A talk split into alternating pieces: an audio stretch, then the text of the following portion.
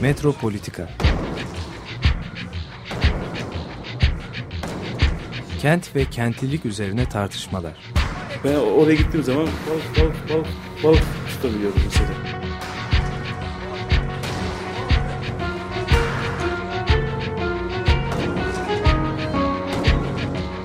Hazırlayan ve sunanlar Aysim Türkmen ve Deniz Gündoğan İbrişim.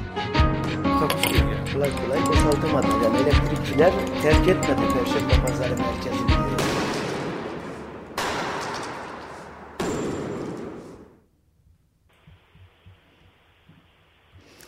Merhaba sevgili Açık Radyo dinleyenleri. Metropolitika'dasınız. Bugün İstanbul Bienali kapsamında Barınhan'dayız, canlı yayındayız. Açık Radyo canlı stüdyodayız ee, ve sizlere buradan sesleniyoruz.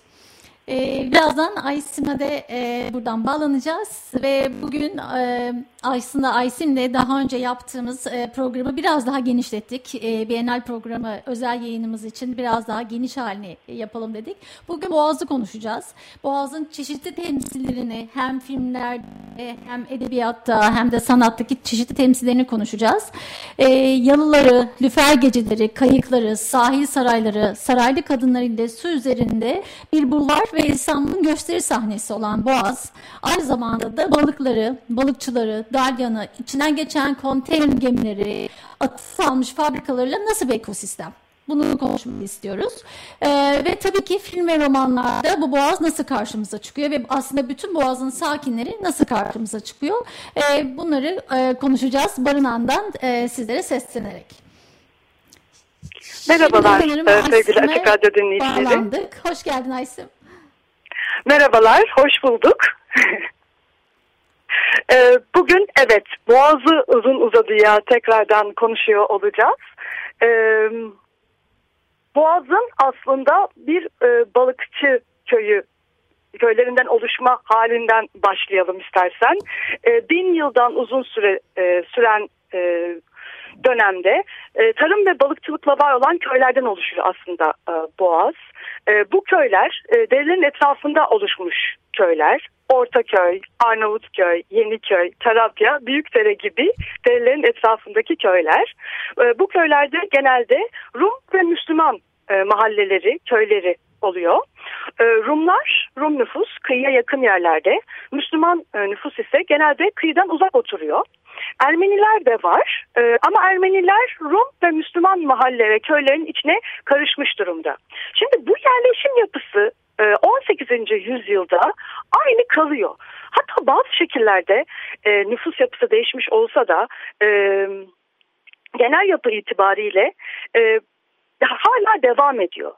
Ancak Boğaz'da hareketlenme görüyoruz. Hem de çok önemli bir hareketlenme. Bugün konuşacağımız. Bir de Ortaköy ve Akıntıburnu arasında önemli imari gelişmeler, imar gelişmeleri oluyor. Bunları da e, Osmanlı Sarayı'nın e, teşvik ettiğini e, uzun uzadıya anlatacağım. Şimdi 18. yüzyılın başından itibaren e, bütün aslında imparatorlukta kentte gördüğümüz e, bir hareketlenme var. Modernlik başlamış oluyor ve e, kent e, İstanbul kenti de sur dışına açılmaya başlıyor. Bu ne demek yani? Tarihi yarımadada yoğunlaşmış olan nüfus ve saray e, kent e, yarımadanın dışına doğru kentsel olarak genişliyor. E, bunlar e, şöyle e, dinamiklerle oluyor. Saray ar arazileri mesela Belgrad Ormanı gibi geniş araziler halka açılıyor ve mesire yerleri gibi kamusal mekanlar oluşmaya başlıyor. Sur içinde dar sokaklı, kendi içine kapalı mahallelerde yaşayan farklı gruplar kamusal alanlara çıkıp bir araya gelmeye başlıyorlar. Bu mekanlara gitmek için insanlar karayolu olmadığı için kayıklar ile ulaşım sağlamaya başlıyor. Ve burada aslında bizim tarihte okuduğumuz o lale devrinden bahsediyoruz, Sadabat'tan bahsediyoruz. Ee, sarayda Topkapı Sarayı'nın duvarlar ardında ve bahçeler derisinde konumundan çıkıyor. Halka yeni bir şekilde görünür hale gelme politikasını benimsiyor. Sadece kendisi benimsemiyor, eşrafına da e, bu böyle tür bir e, görünme e, teşvikinde bulunuyor. Çeşmeler yaptırmalarını teşvik ediyorlar mesela. Ve bu çeşmelerin etrafındaki meydanlarda, yeni açılan bahçelerde de bu bahsettiğimiz kamusal alanlar genişliyor. Bu çeşmeler etrafında toplanma haftanın her günü başka başka mekanlarda olmaya başlıyor. Mesela cumartesileri kalenderde, pazartesileri Kerelek'te yani Kireçburnu'nda. Hatta bu pazartesi pazartesilerine artık Kerelek günü denilmeye başlanıyor bütün şehirde. İnsanlar kentte dolaşmaya ve etraflarına bakmaya başlıyorlar. Burada e, coğrafi olarak Boğaz'ın çok önemli bir fiziksel özelliği e, gündeme geliyor. Yani kayıkla gezilebilir oluşu. Ne deniz ne de tam nehir olduğu için az dalgalı oluşu suyun üzerinde kayıkla gezinebilme ve etrafa bakınma imkanları su, sunuyor. İnsanlar hem e, gezindikçe kayıkla birbirlerini ve yenilikleri görmeye, seyretmeye ve bu, bu bütün bu bahsettiğimiz ortamlar arasında gezinmeye başlıyorlar. Yeni toplumsal bir araya gelme biçimleri, yeni yaşam pratikleri, yeni kent biçimleri ve yeni kentlilik biçimleri oluşturmaya başlıyor. Şimdi buranın e, bu, bu dinamiğin, bu mekanın dinamiğinin önemli bir aktörü saray. Evet. E, saray, Ortaköy, Kuruçeşme arasındaki Rum ve Musevi evlerinin yıkılmasıyla yıka, yıkarak burada araziler açmaya başlıyor sahilde. Akıntı ve Akıntıburnu ve Ortaköy arasında da oluyor. Hanım sultanlar bu açılan arazilerde sahil saraylar inşa ettirmeye başlıyor. Sultanların kızları, kız kardeşleri, kardeş kızları olan sultan efendiler evlendikten sonra Boğaz kıyılarında İstanbul halkının her an gözleri önünde olacak ve halkı etkileyecek bir tarzda sahil saraylara yerleşiyorlar. Bu sultan e, hanım hanım sultanları ayrılan daire bile mimari biçimde biçimde kendisini belli ediyor. Yani ortaya koymaya çalışıyorlar kendi yaşamlarını ve varlıklarını. Şimdi bu enteresan bir şey. Bildiğimiz hani e, Osmanlı politikalarının dışında bir şeyden bahsediyoruz. Saray bunu acaba neden yapıyor diye çok kısa bir e, hani bunun bir e, parantezini açmakta fayda var. 1718'de Pasarofça Anlaşması'nın imzalanmasıyla Osmanlılar ve Avrupalı güçler arasındaki barış sağlanıyor. Seferlere çıkmak yerine artık kentte kalma dönemine geçiliyor ve e, imparatorluklar, emperyal güçler arasında ticari ve kültürel etkileşim artıyor. Ariel Sazman'ın e, çalışmalarından burada aktarıyorum aynı zamanda. E, bu etkileşim aslında sadece Osmanlı ve Avrupa arasında olmadığı gibi tek taraflı da değil. Avrupa'daki yeni akımlardan haberdar oldukları gibi İran ile de yakın ilişkiye geçiyorlar örneğin. Murat belki de bu, bu, bu durumu şöyle açıklıyor. Sefere çıkmayan padişah toplumun ileri gelenlerin ilgi ve alakasını cezbetmesi ve kendini beğendirmek üzere e, hem etrafını hem de halkı zevk ve e, sefaya teşvik ediyor. Aslında Fransa'daki 14. Louis de Paris'te aynı tarz bir yaşam oluşturup baronları sefaate alıştırmıştı.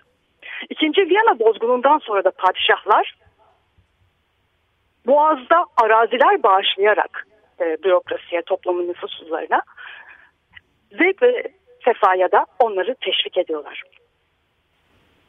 Aslında şurada belki şöyle bir şey de söyleyebiliriz Aysın. Ee, biraz araya giriyorum ama sen de çok çok güzel anlatıyorsun. Ee, özellikle mesela suyun üzerine sanırım yeni bir alan olarak seçme e, de var değil mi? Yani yeni bir aslında kozmopolitan bir e, kültürün oluşması, su kültürünün oluşması. E, mesela tahta geçen e, 18. yüzyıl sultanlarının artık mesela e, kılıç kuşanma töreni için e, Eyüp'e karadan gidip denizden dönmeye başlıyorlar. Yani bir anlamda su artık daha çok kullanılabilir olmaya başlıyor. E, Boğaz'da törensel e, bir aks olarak divan yolu mesela e, Boğaz onun yerini almaya başlıyor. Gene Venedik'te yapılan suyun üzerinde kutlu kutlamalar, gösteriler yapma geleneği tekrar e, bu tarafa geliyor. E, sanırım o su kültürünün e, aslında suyun biraz sahneye çıkması da e, burada söz konusu e, sanırım değil mi? Fiziksel özelliğin de yanı sıra. Kesinlikle, kesinlikle. Yani kayıklarla halk e, suyun üzerinde var oluyor ve e, bütün bu kayıkların arasından mesela o görkemli e, saray kayıklarıyla e, padişahlar geçiyor. Aynı zamanda da e, kıyılarda sahil sarayları e, ihtişamını görüyoruz. Melling'in çizimlerinde e, Hatice Sultan ile e, olan ilişkisiyle oluşturulan e, bu mimari yapıların hem de çizimlerini de yapmış olan Melling'in e, illüstrasyonlarında da gördüğümüz gibi. E, bu anlamda kentin kıyıları ve suları bir gösteri mekanına Tülay Artan'ın Grand Ale diye tanımladığı bir tiyatro sahnesine evriliyor. Bu ihtişam bir boğazda ihtişam e, yaratma nasıl oluyor? Boğaz kıyıların pencerelerinden artık müzikler yayılıyor. Sahil saraylarda yaşayan e, sultanlar, e, giyinilen kıyafetler, şapkalar, orada kullanılan eşyalarla içe kapalı olmayan bir yaşam tarzı sergileyip teşvik ediliyor. Bütün bu o, o olayın dünyanın kozmopolitan e, kültürüyle de bağlantılı e, olduğunu yansıtıyorlar. E, bu sadece sarayla da sadece sarayın e, dinamikleriyle de sınırlı kalmıyor. Toplumun farklı kesimlerinden insanlar Boğaz'da kendi adlarına küçük büyük çeşmeler, camiler, köşkler yaptırarak görünür olmak istiyorlar. Benim bahsettiğim gibi daha önce yıl, yüzyıllarca birbirinden ayrışmış mahallelerde ve su için dar sokaklarında yaşamış olan insanlar yeni yaptırılan çeşmelerin etrafındaki meydanlarda kayık meydanlara kayıkla gelerek bir araya geliyorlar. Ve bu hem kayıklarda hem de bu mesire yerlerinde e, dünya ticaretinin artmasıyla İstanbul'a gelmiş yeni kumaşlardan yaptırdıkları kıyafetleri, aksesuarları birbirlerine sergiliyorlar. Aslında tam da güç gösterilerini tarif ediyorsun sanırım. Yani tam da aslında 18. yüzyıldaki e, tam da senin söylediğin bu uluslararası ticaretle birlikte e, ve tabii ki emperyal güçlerin de hani birbiriyle alışverişi, birbirlerine gösterişleri e, aslında imparatorluklar arasında e, tezahür eden bir takım e, hem ticari hem kültürel ilişkilerin de tam sahnesi oluyor e, Boğaz bu anlamda da. Tam anlamıyla evet. Yani bunu da zaten tiyatro sahnesi diyor Tülay Artan. Evet. evet. Ben de e, buraya e, Orhan Esen'e de buradan e, selam göndererek e, ben Boğaz Bulvarı adını e, veriyorum. İlk o bende bu e, e, kavramı oluşturan e, kişidir.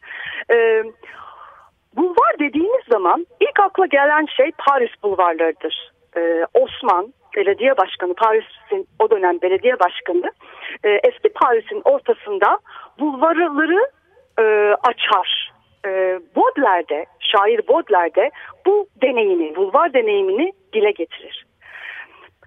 Şiirlerinde ve düz yazı şiirlerinde Paris'in e, belediye başkanı Osman'ın eski şehri nasıl yıktığını anlatırken diğer yandan şehrin bulvarlara nasıl bulvarlarla nasıl herkese açıldığını anlatır farklı sınıflardan, dinlerden, cemaatlerden, mahallelerden gelenler bu e, geniş caddelerde, Paris caddelerinde kalabalıkları oluşturur. Şimdi aynı şekilde Boğaz'da da e, daha önce işte e, kendi Rum mahallesinde, kendi Müslüman mahallesinde oturan e, çeşitli etnik kökenli e, gruplar e, kadınlar ve erkekler farklı sınıflarda elit ya da e, işçi sınıfından olan kişiler birbirleriyle kaynaşabilecekleri böyle mekanlarda e, bir araya geliyorlar. Bunlardan en önemli şeylerinden bir tanesi suyun üstünde kayıklarda olması, diğeri de mesire yerlerinde olması. Şimdi bu birbirlerini tanımayan kalabalıkların oluşması bulvarın en önemli özelliği. Bu bulvarda kalabalıklar oluştukça gözler Baudelaire'in deyimiyle birbirlerini bağlamaya başlıyor. Yani daha önce hiç olmadığı kadar insan birbirini görüyor, kendisinin görüldüğünü hissediyor ve kendisini bu gözler sergisinde sergiliyor.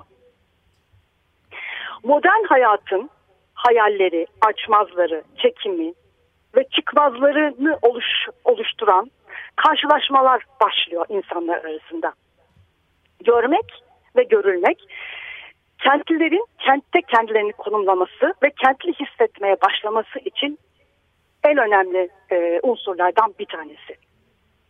Bu deneyimin e, çok enteresan bir başka parçası da kalabalıkların arasında kişi kendi birey olarak kendisini fark eder ve kendisini kalabalıklardan ayrıştırmaya başlar. Farklı şekillerde, farklı mekanlarda, farklı sınıfsal e, pozisyonlarda kendisini hayal etme olanağı başlar. Çernişevski'nin tek kişilik sokak gösterisi bir karşılaşma sahnesini temel alır der Marshall Berman e, kitabında. Petersburg işçisi sokağın ortasında yüksek makam sahiplerini alt ederken resmeder kendisini. Bunu tasavvur edip yapmak artık yepyeni bir hayal gücü oluşturmak demektir. Bilinçte bir bölünmeye sebep olur. Kendini ve mekanı soyutlamaya başlar kişi. Yani kamusal hayat başladığında özel hayatta kurulmaya başlar. Kesinlikle. Bunun e, en önemli e, bizi bizim için en önemli deneyim noktası, ortaya çıkış noktası romanlardır.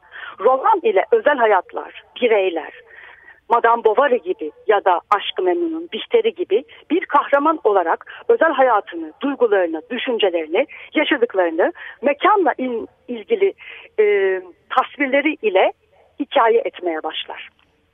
İşte aslında tam da burada Boğaz'da... mekan da değişiyor değil mi? Mekanın da aslında Boğaz olarak mekanın da ya da o bulvarın da yaratılması e, yani mekanı da bildiğimiz aslında e, o materyalden biraz daha tam da senin anlattığın duygular, düşüncelerle birlikte yoğuruyor. Yani tam da aslında hani mekan tanımını da e, değiştiren bir yerden. Yani Bihter'in e, deneyimleri, Madame Bovary'nin e, içsel e, deneyimleri, hayal kırıklıkları yaşadıkları e, tam da o kamusalla özel hayatın o kesişiminde belki de kontakt e, zone diyebileceğimiz kontak bölgesinde e, sanırım kurulmaya başlıyor ki bu gerçekten çok çok önemli. Tam da buraya işte modern Boğaz Bulvarı e, diyoruz. E, evet. diyorum. 18. yüzyıldan itibaren e, Boğaz suları ve kıyıları dünyanın modern bulvarlarından e, birini ve çok özgün bir e, bir tanesini oluşturuyor. E, elit bir kültürle e, öncülüğünde oluşuyor bu diyebiliriz. Ama bir sürü farklı gruptan ve sınıftan oluştuğunu göz ardı etmememiz gerekiyor. Burada çünkü kayıkçılar var, balıkçılar var, e, sur içinde yaşayan e, farklı sınıflardan insanlar var. E, bu insanlar kayıkları kullanarak seyahat ederken farklı sınıftan kadınlar, erkekler, çocuklarla bir araya gelip bir kozmopolit bulvar deneyimi yaşıyorlar. Kayıklarla deneyimlenen bir kozmopolitanlık bu. Aynı zamanda da bir özgürlük alanı çünkü anonim. Ee, yani birbirlerini tanımayan kalabalıkların oluşturduğu bir grup. Kadınlar dış mekana açılabiliyorlar. Kayıklarla boğazın farklı yerlerindeki pazarlara, mesire yerlerine gidebiliyorlar. Şimdi bu çok acayip bir deneyim daha önceki yüzyıllarla karşılaştırdığımızda. Kadınlarla erkekler kesinlikle. kayıklara birlikte binebiliyor. Yani bir arada olabiliyorlar. Karşılaşmalar oldukça ilk bakışta ve son bakışta da aşklar olabiliyor. Böylece Boğaz da modern aşkın mekanı haline geliyor. Aslında evet, tam burada, bizim konuştuğumuz evet. hani lafını keseceğim ama tam hani o modern aşkın mekanı haline gelmesinin öncesinde yatan e, hikayeyi ve e, tarihi görmek lazım. Yani çoğu zaman e, bunu konuşmuyoruz sanırım biz e, Boğaz'ı işte bugün de konuşacağız filmlerdeki romanlardaki e, kurgulardaki Boğaz'dan konuşurken e, bu o, koca tarihi e, sanırım konuşmuyoruz ve bununla birlikte aslında Boğaz düşünmek bence çok kıymetli. Çünkü senin de söylediğin gibi ve okuduğumuz gibi de aslında e, çok farklı sınıflardan karşılaşmalar var. Evet daha elitist tabii kozmopolitin getirdiği bir hani elitist bir yaklaşımı var. Ama bir anlamda da gerçekten kadınların ilk kez dış mekana açıldıkları hem de suyla birlikte hemhal oldukları, e, suyun özgürleştirici, e, boğazın o manzaranın özgürleştiriciliğini e, deneyimledikleri ve aslında aşkı da e, hanenin dışında e, daha özgürce e, yaşadıkları bir mekan haline geliyor bu mekanı bizim de hissedebileceğimiz bir müzik var. e, Küçük Su'da gördüm seni. E, tam bu aşk mekanının nasıl ifade edildiğini e, Münip Utandı'dan dinleyelim mi? Çok güzel olur.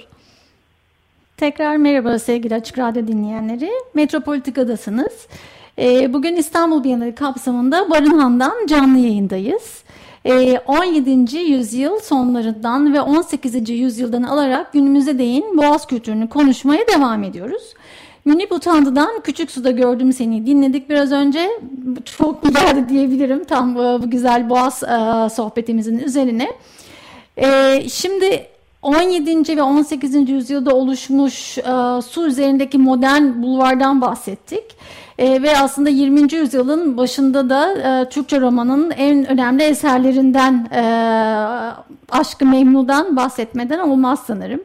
E, dolayısıyla Aysun biraz da hani e, belki Aşk Memnu'ya da gelmeden e, bu modern su bulvarını biraz daha anlatabilir misin? Ee, ben de bu, bu burayı anlatmaya doyamıyorum gerçekten Deniz. Evet. Ee, çünkü hakikaten e, anlattıkça ve derinleştikçe daha da derine gidebilen e, bir alan açıyor bize. E, bugün de, de e, enteresan şekillerde bağları devam ediyor. Şimdi bu alan fiziki olarak yalılardan, çeşmelerden, bahçelerden, kayıklardan, bir araya toplanan insanlardan oluştuğu gibi aynı zamanda soyut, ortak modern muhayyilede oluşuyor. Hayal gücünde oluşuyor. Şirine Hamade gitgide şiirlerin, mekanlardan, fiziksel hayattan bahsetmeye başladığını anlatıyor. Bir yandan soyut olan şiir, materyal dünya ile ilişki kurarken, diğer yandan fiziki mekan insanların zihinleri, zihinlerinde mahalleden yani kendi yaşam alanlarını oluşturan sınırlı bölgelerden öte bir anlam kazanmaya başlıyor. Şirin Hamade'nin bahsettiği çeşmeler üzerine yazılmış şiirler kentle ilgili yeni deneyimleri hem gösteriyor hem de aynı zamanda oluşturuyor. Görme, görünme ve gösterme ihtiyacı oluşmuş oluyor. Bu çeşmeler neredeyse kentte tur rehberi işlevi, bu çeşmelerin üzerindeki şiirler tur rehberi e, görevi görüyorlar. Kent böylelikle e, boğaz üzerinden hayal edilip zihinde oluşturulmaya başlıyor. Bu sürecin e, aslında e, böyle doruk noktasına u, e, ulaştığı e, tarihi an ise 1856'da sarayın taşınması ve 1857'de şehir hatları vapurlarının işlemeye başlaması. Yazlık olarak görülen boğaz mekanı artık e, yaz kış oturulabilen bir mekan olmaya geçiyor. Osmanlı'da, Osmanlı Sarayı da politik ve sosyokültürel dinamiklerinin merkezini su içinden boğaz eksenine kaydırmış oluyor. Şimdi bu e, böyle bir boğaz e, deneyimi, böyle bir boğaz e, muhayyilesinin e, Türkiye e, romanında, Türkiye edebiyatında ilk e, deneyimlerden bir tanesi, ilk örneklerden bir tanesi olan Aşk-ı Memnu'da e, açılmış olması, Aşk-ı Memnu'da açılış sahnesi olarak görmüş olmamız hiç tesadüfi gelmiyor bana. Halit Ziya Uçaklıgil'in 20. E, yüzyıl başında yazmış olduğu bu roman modern arzunun mekanı olarak boğazı, boğaz sularını bize gösteriyor. Roman boğaz içinde iki yalının arasında sularda açılıyor. Melih Bey takımı diye bilinen e, bir aile üyeleri grubu Firdevs Hanım ve kızları Bihter ve Peyker'in bindikleri sandal kalenderden Anadolu yakasındaki yalılarına dönerken başka bir yalı sahibi nüfuslu Adnan Bey'in sandalıyla çarpışıyor. Bu karşılaşma ile Adnan Bey'in ilgisini fark eden Bihter onunla evlenip Boğaziçi'nin en büyük yalılarından birinin hanımı oluyor. Ve romanın önemli bölümü Boğaz'daki bu yalıda ve de Boğaz sularında geçiyor. Şimdi Halit Refik'in Aşkı Memnu dizisinden bir kısacık bölüm e, dinleyerek gene bunun hayalimizde canlanmasını e, sağlayalım e, diye düşünüyorum. E, TRT e, için çekmiş olduğu bu e, televizyon dizisinin girişinden çok kısa bir parça dinliyoruz şimdi. Bugün kalenderde yoktu değil mi Bihter? Bilmem. Bugün çocuklarını da almamış yanına. Ne tuhaf bir bakışı var. Israr eden bir bakış. Ne zaman gözlerim tesadüf etse... ...buraya bakarken görüyorum. evet, gözlerini de Bihter'den ayırmıyor.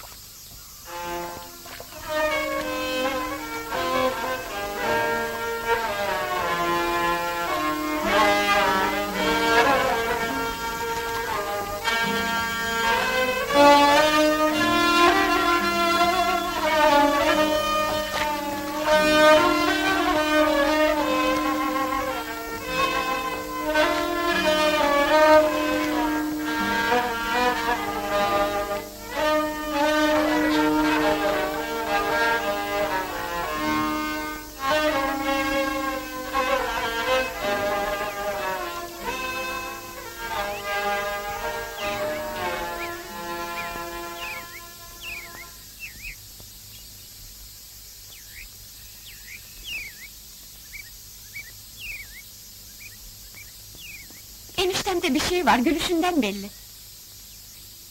Ne var Nihat Bey? Niye gülüyorsunuz öyle? İçeride anlatacağım. Büyük bir haber. Tam Evet. boğazın şıkırtılarıyla birlikte suyun şıkırtıları, bir yandan kuşların cıvıltısı, e, bir, bir yandan tam da dediğin aslında e, flörtleşme, arzu nesnesi haline gelmesi sanırım aslında e, boğazı çok farklı kılan e, bir başka bir şeyden bahsedeceğiz değil mi burada?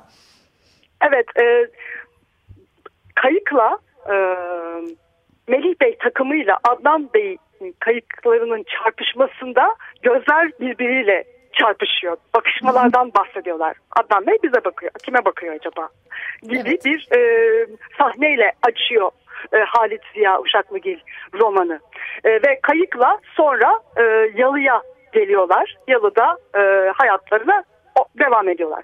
Şimdi Halit Ziya Uşaklıgil Boğaz'ı bu anlamda modern kentte seküler bir kamusal alan ve bireylerin iç mekanlı iç dünyalarının ortaya çıkmasını mümkün kılan bir mekan olarak yansıtmış oluyor. Kamusallık mümkün olduğunda ancak kaç göç azaldığında iç dünyanın ortaya çıkma imkanı oluyor. Yani psikoloji oluşuyor. Dışarıda kayıtsızca anonim kalabalıklar arasında var olabilme özgürlüğü iç dünyamızdaki çekişmeleri, sıkışmaları, sıkıntıları da birlikte getirip yepyeni bir başka alan açıyor psikoloji dediğimiz. Ee, bu yalı Boğaz'daki modern seküler sahne karakterlerin bireysel hazlarının peşinden gittiği yani Bihter'in aşkının peşinden gidip ve aşkının sonucu ölüme göze alması, bu kararının sonucunu yaşaması, kader ve Tanrı'nın rolünün olmadığı modern seküler bir sahne. Ee, evet, e, böylelikle modern e, bulvar oluşuyor e, diyorum E, ve aslında bir yandan da hala tarım ve köy yaşamı ve balıkçılık da buralarda, burada Az bulvarında devam ediyor. Bütün bu bileşenlerle çok özgün bir yapı ortaya çıkıyor Boğaz'da.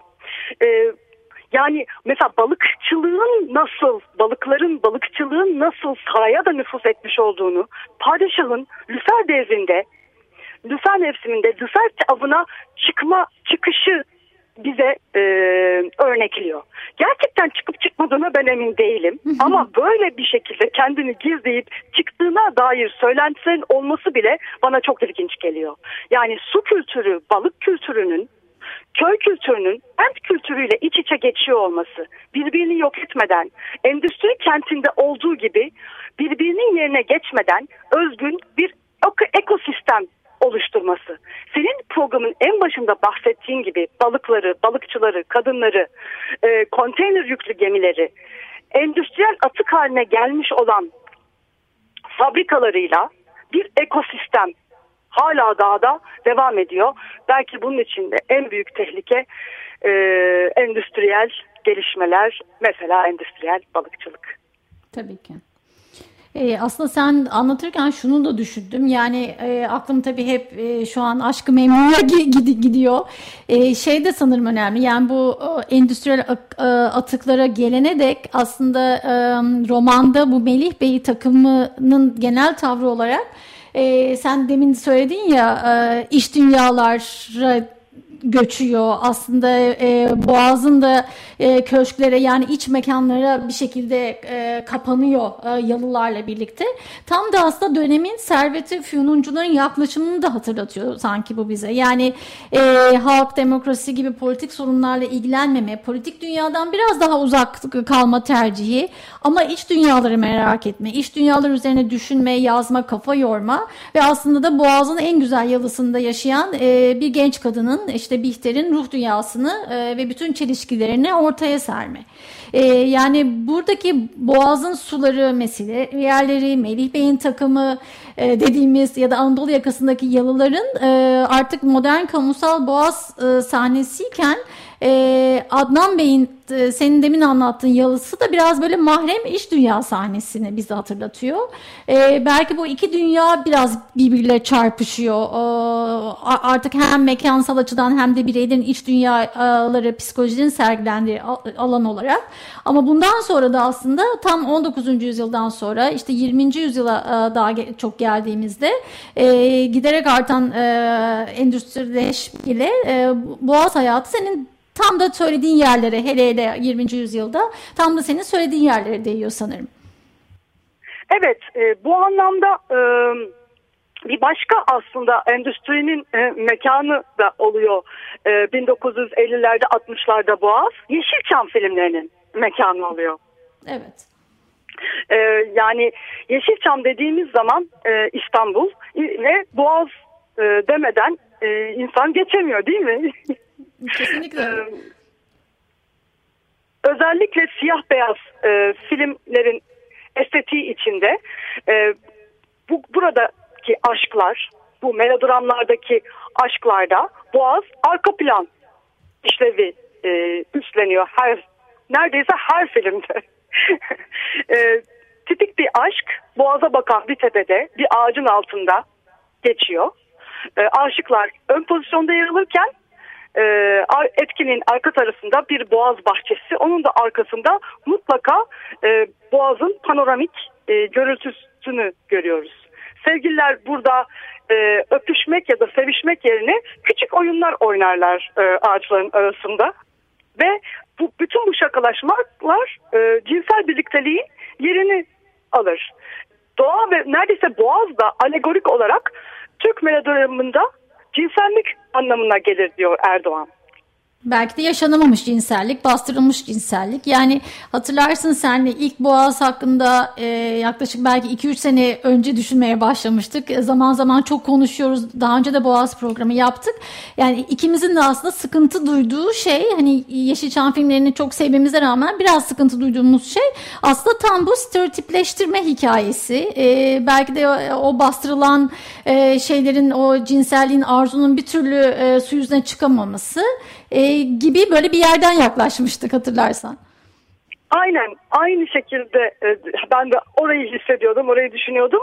Bu Boğaz'ın e, demin mesela e, Halit Ziya Uşaklıgil'in anlattığı o e, kompleks e, karmaşık dinamiklerini görmemiz zor bu temsillerde.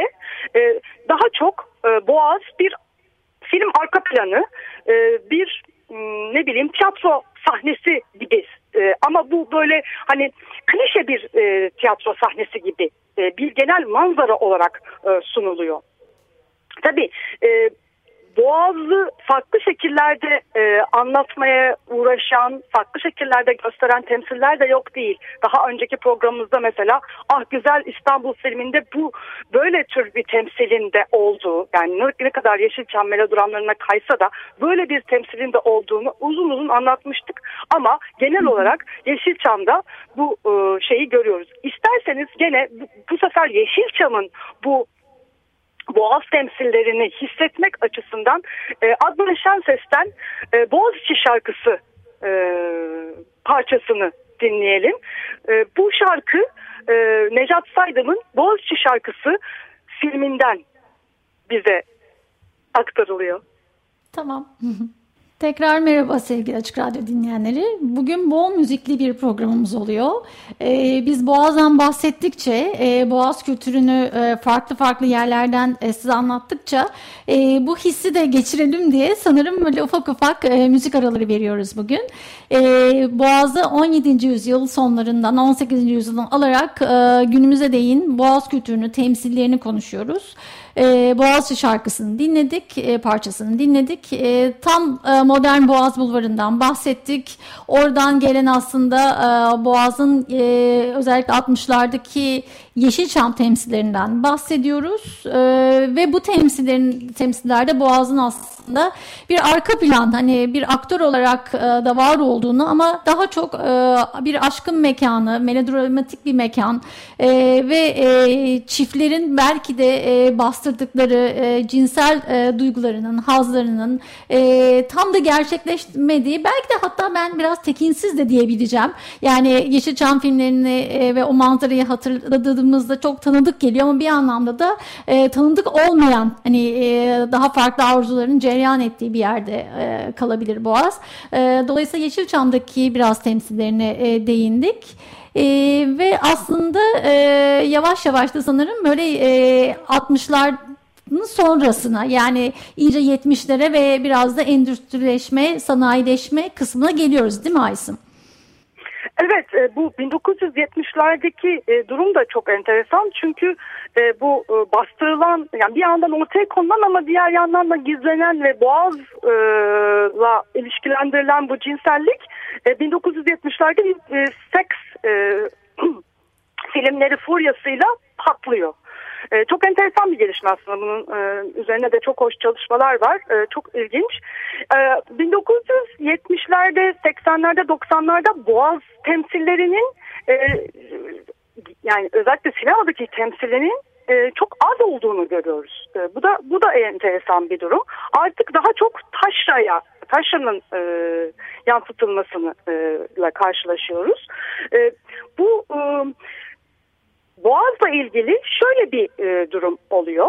E, 1980 e, darbesiyle ulusal ekonomik politikaların e, yerini askeri yönetimin güdümünde neoliberal politikaların almasıyla gösteriş ve yeni zenginliğin mekanı olarak kuruluyor.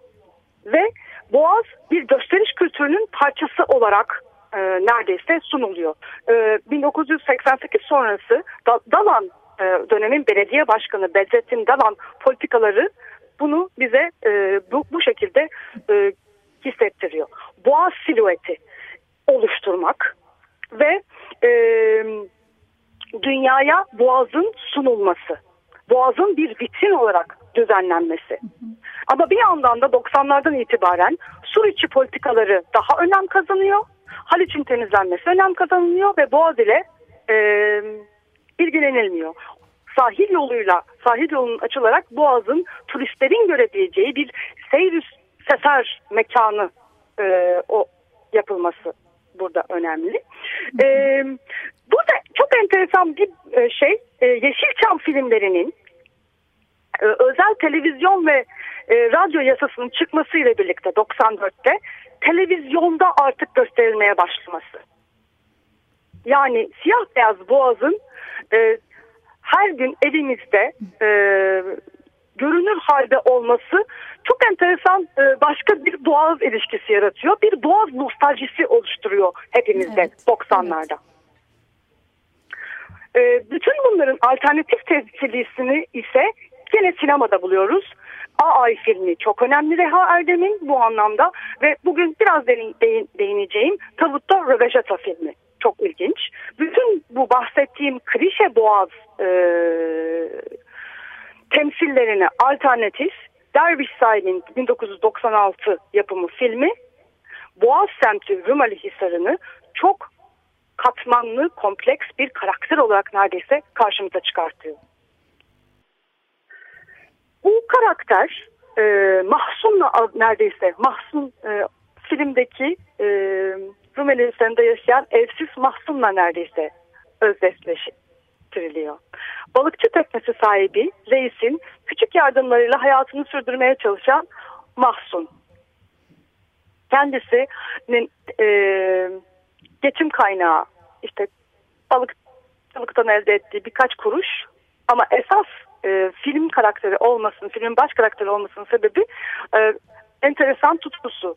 Mahsun sokakta gördüğü arabaları çok rahatlıkla çalabiliyor. Arabaları alıyor ve geceyi arabaların içinde geçiriyor. Ondan sonra da polisler tarafından yakalanınca ciddi bir şekilde dayak yiyor. Hı hı. Ya Mahsun'un e, belki tek e, iç alanı bu arabalar oluyor. O tutkusunu yaşadığı arabalar oluyor. Ama e, genelde Mahsun e, Boğaz'ın soğuğunda, ayazında ölümle burun buruna yaşıyor. E, burada Boğaz dışarısı sert, hoyrat ve ölümcül olarak karşımıza çıkıyor Asuman Suner'in deyişiyle. Artık film gerçekten çok önemli. Değil, fiziksel evet. bir yaşama mekanı olarak gösteriliyor e, Derviş Daim tarafından. E, bir yandan da başka bir tutkusu e, İran Cumhurbaşkanı'nın Demirel o dönemin Cumhurbaşkanı o dönemin Başbakanı Demirel'e hediye ettiği ve Demirel'in de Rumeli Hisarı karesine yerleştirdiği tavus kuşları. Tavus kuşları Rumeli Hisarı'nda yerli ve yabancı turistlere sergileniyor. Rumeli Hisarı Hisarlılara kapanmış oluyor. Bir saplantılı tutkuya dönüşen bu tavus kuşları Boğaz'ın nasıl e, pazarlama imgesi olarak artık görüldüğünün bir temsili diyor Altıman Suner. Şimdi ilk roman Aşkı Memnu ve Türkiye yeni Türkiye sinemasının en önemli örneklerinden birisinin mekanının Boğaz'da olması sanırım tesadüfi değil. Kesinlikle öyle. Bu gerçekten bu film çok önemli film. Seninle bunun üzerine de çok konuşuyoruz. Yani daha izlemeyen varsa bu kült filmi bence mutlaka izlesin. Ee, bilmiyorum şu an aklıma mesela tavus kuşlarını özellikle inceleyen yazılar, e, bu ekosistem içindeki tavus kuşlarının faillerini inceleyen çalışmalar yapıldı mı bilmiyorum. Yapıldıysa gözden kaçırdıysam çok üzülürüm. Çok gerçekten çok ilginç bir konu. Ve tam da senin dediğin aslında e, tavus kuşlarıyla birlikte bu boğazın e, nasıl bir pazarlama imgesi haline geldiği, küresel pazara giren bir İstanbul ve boğaz imgesi ve aslında da Mahsun'un e, bu saplantılı e, tutkusu tavus kuşlarıyla birlikte aslında bir mücadelesi, bir hayatta kalma mücadelesini biz e, seyrediyoruz. E, bu anlamda da e, bütün o e, neoliberal politikaların e, hızla e, e, gene yani boğazın e, boğaz imgesine eklenmesi, küresel pazarın gene e, dediğimiz dediğimiz gibi buna eklenmesi e, gerçekten e, bir dönüm noktasında bence işaret ediyor. Belki buradan biraz böyle e, pası alıp bu pazarlama imgesi ve boğaza biraz da böyle edebiyat gözünden e, bakarsak tam da gene 70'lerde e, Yaşar Kemal'in 1978'de yazdığı Deniz Küstü romanı gerçekten e, hem boğazı konu edilmesiyle hem de gene sahil kısmı e, Menekşe e, kısmını e, e, konu edilmesiyle e, İstanbul Menekşe semtine e, kıyısına konu edilmesiyle bence çok önemli. E, çünkü e, romanda da e, bir karakter var. Halim Bey Veziroğlu karakteri. E, aslında günümüz e, deyimiyle bu Halim e, Bey Veziroğlu bir e, ne denir ona? Bütün bu e, kentsel dönüşüm projelerinin başında bulunan bir e, nasıl diyelim e, inşaat sektörünün e, ağlarından biri diyebiliriz. E, tam da e, senin söylediğin bu pazarlama imgesini tam kalbinden yakalayan bir yer var Deniz Küsü'de. Hatta not almıştım belki oradan aktarabilirim. E, bu romanda Halim Bey Veziroğlu İstanbul kentinin giderek betonlaşmasını, fiziksel dönüşüme uğramasını çağrıştıran baş karakter.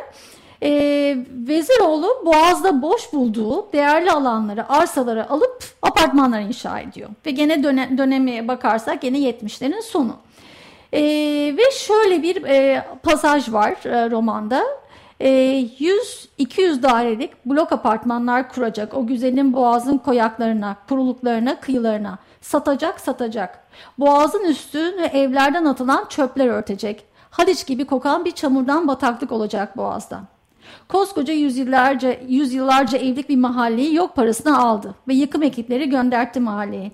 Ekipler buldozerlerle yıkarlarken evleri gece konducular karşı koydular. Üzerlerine blok blok apartmanların dikilmesini bekliyorlar. Oradan kalkan gece kondular semt semt İstanbul'a dağıldılar. Gece kondu yapıyorlar yine.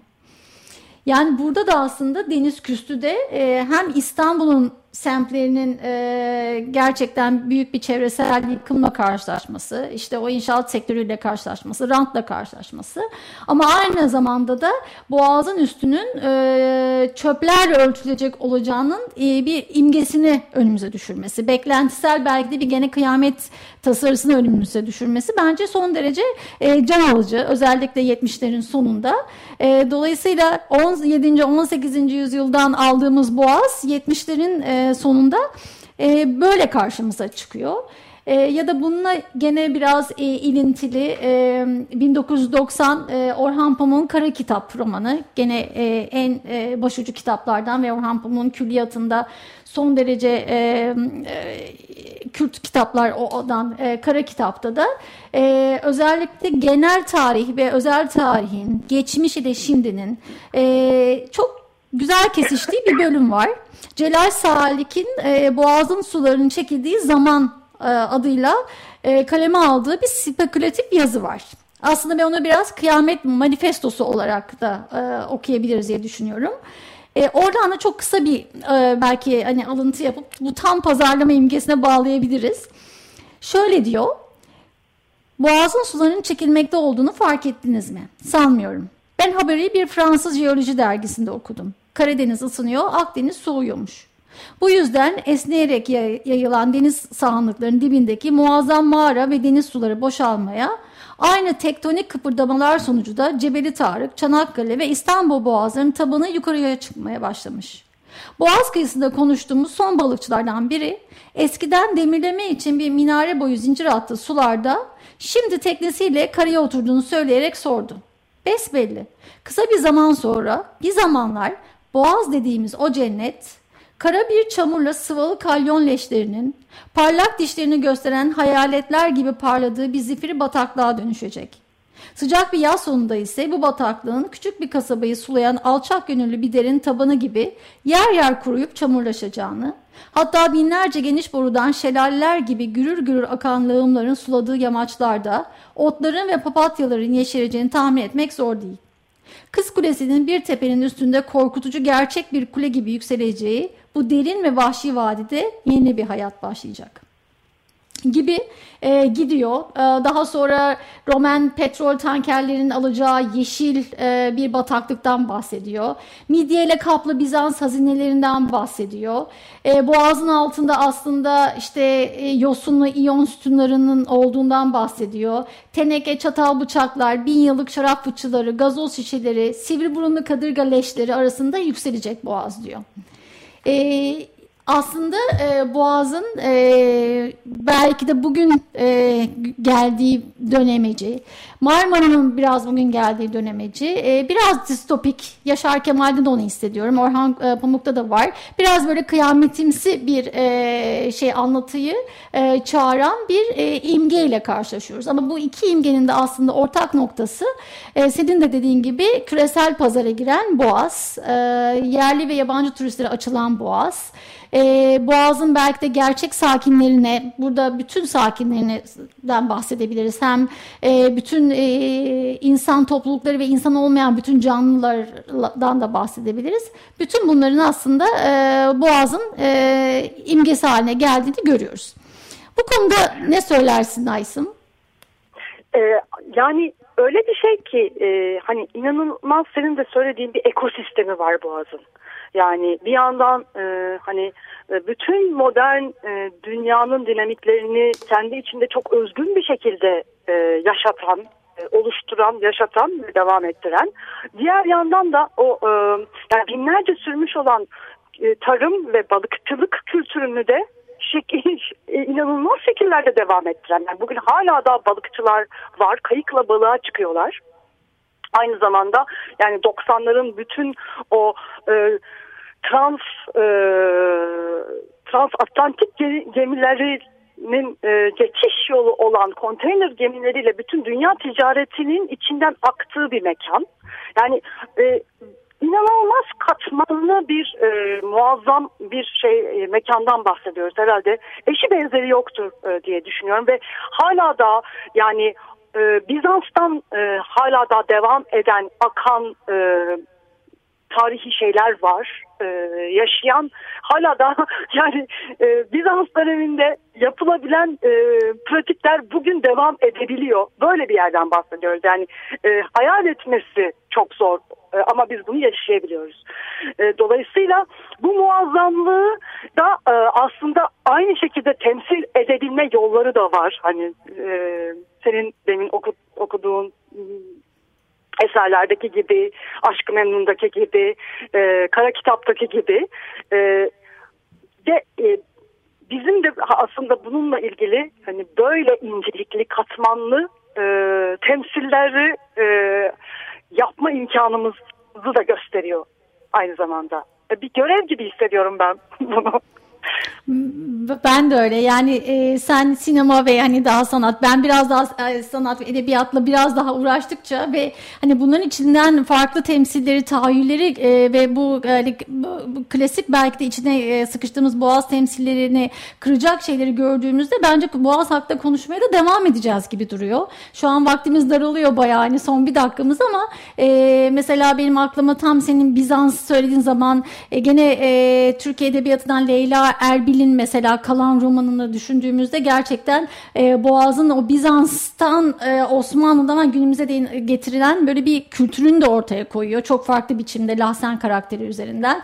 Keza gene farklı e, romanlarda, farklı e, öykülerde, şiirlerde bunları bulmak mümkün. Dolayısıyla biz sanki Boğaz'ı e, bugünle sınırlı bırakmıyoruz ve konuşmaya daha devam edeceğiz. Programlarımız devam edecek gibi gözüküyor boğaz bitmez deyip bu haftayı böyle Barınhan'dan e, kapatıyoruz. E, iyi haftalar diliyoruz. İyi haftalar.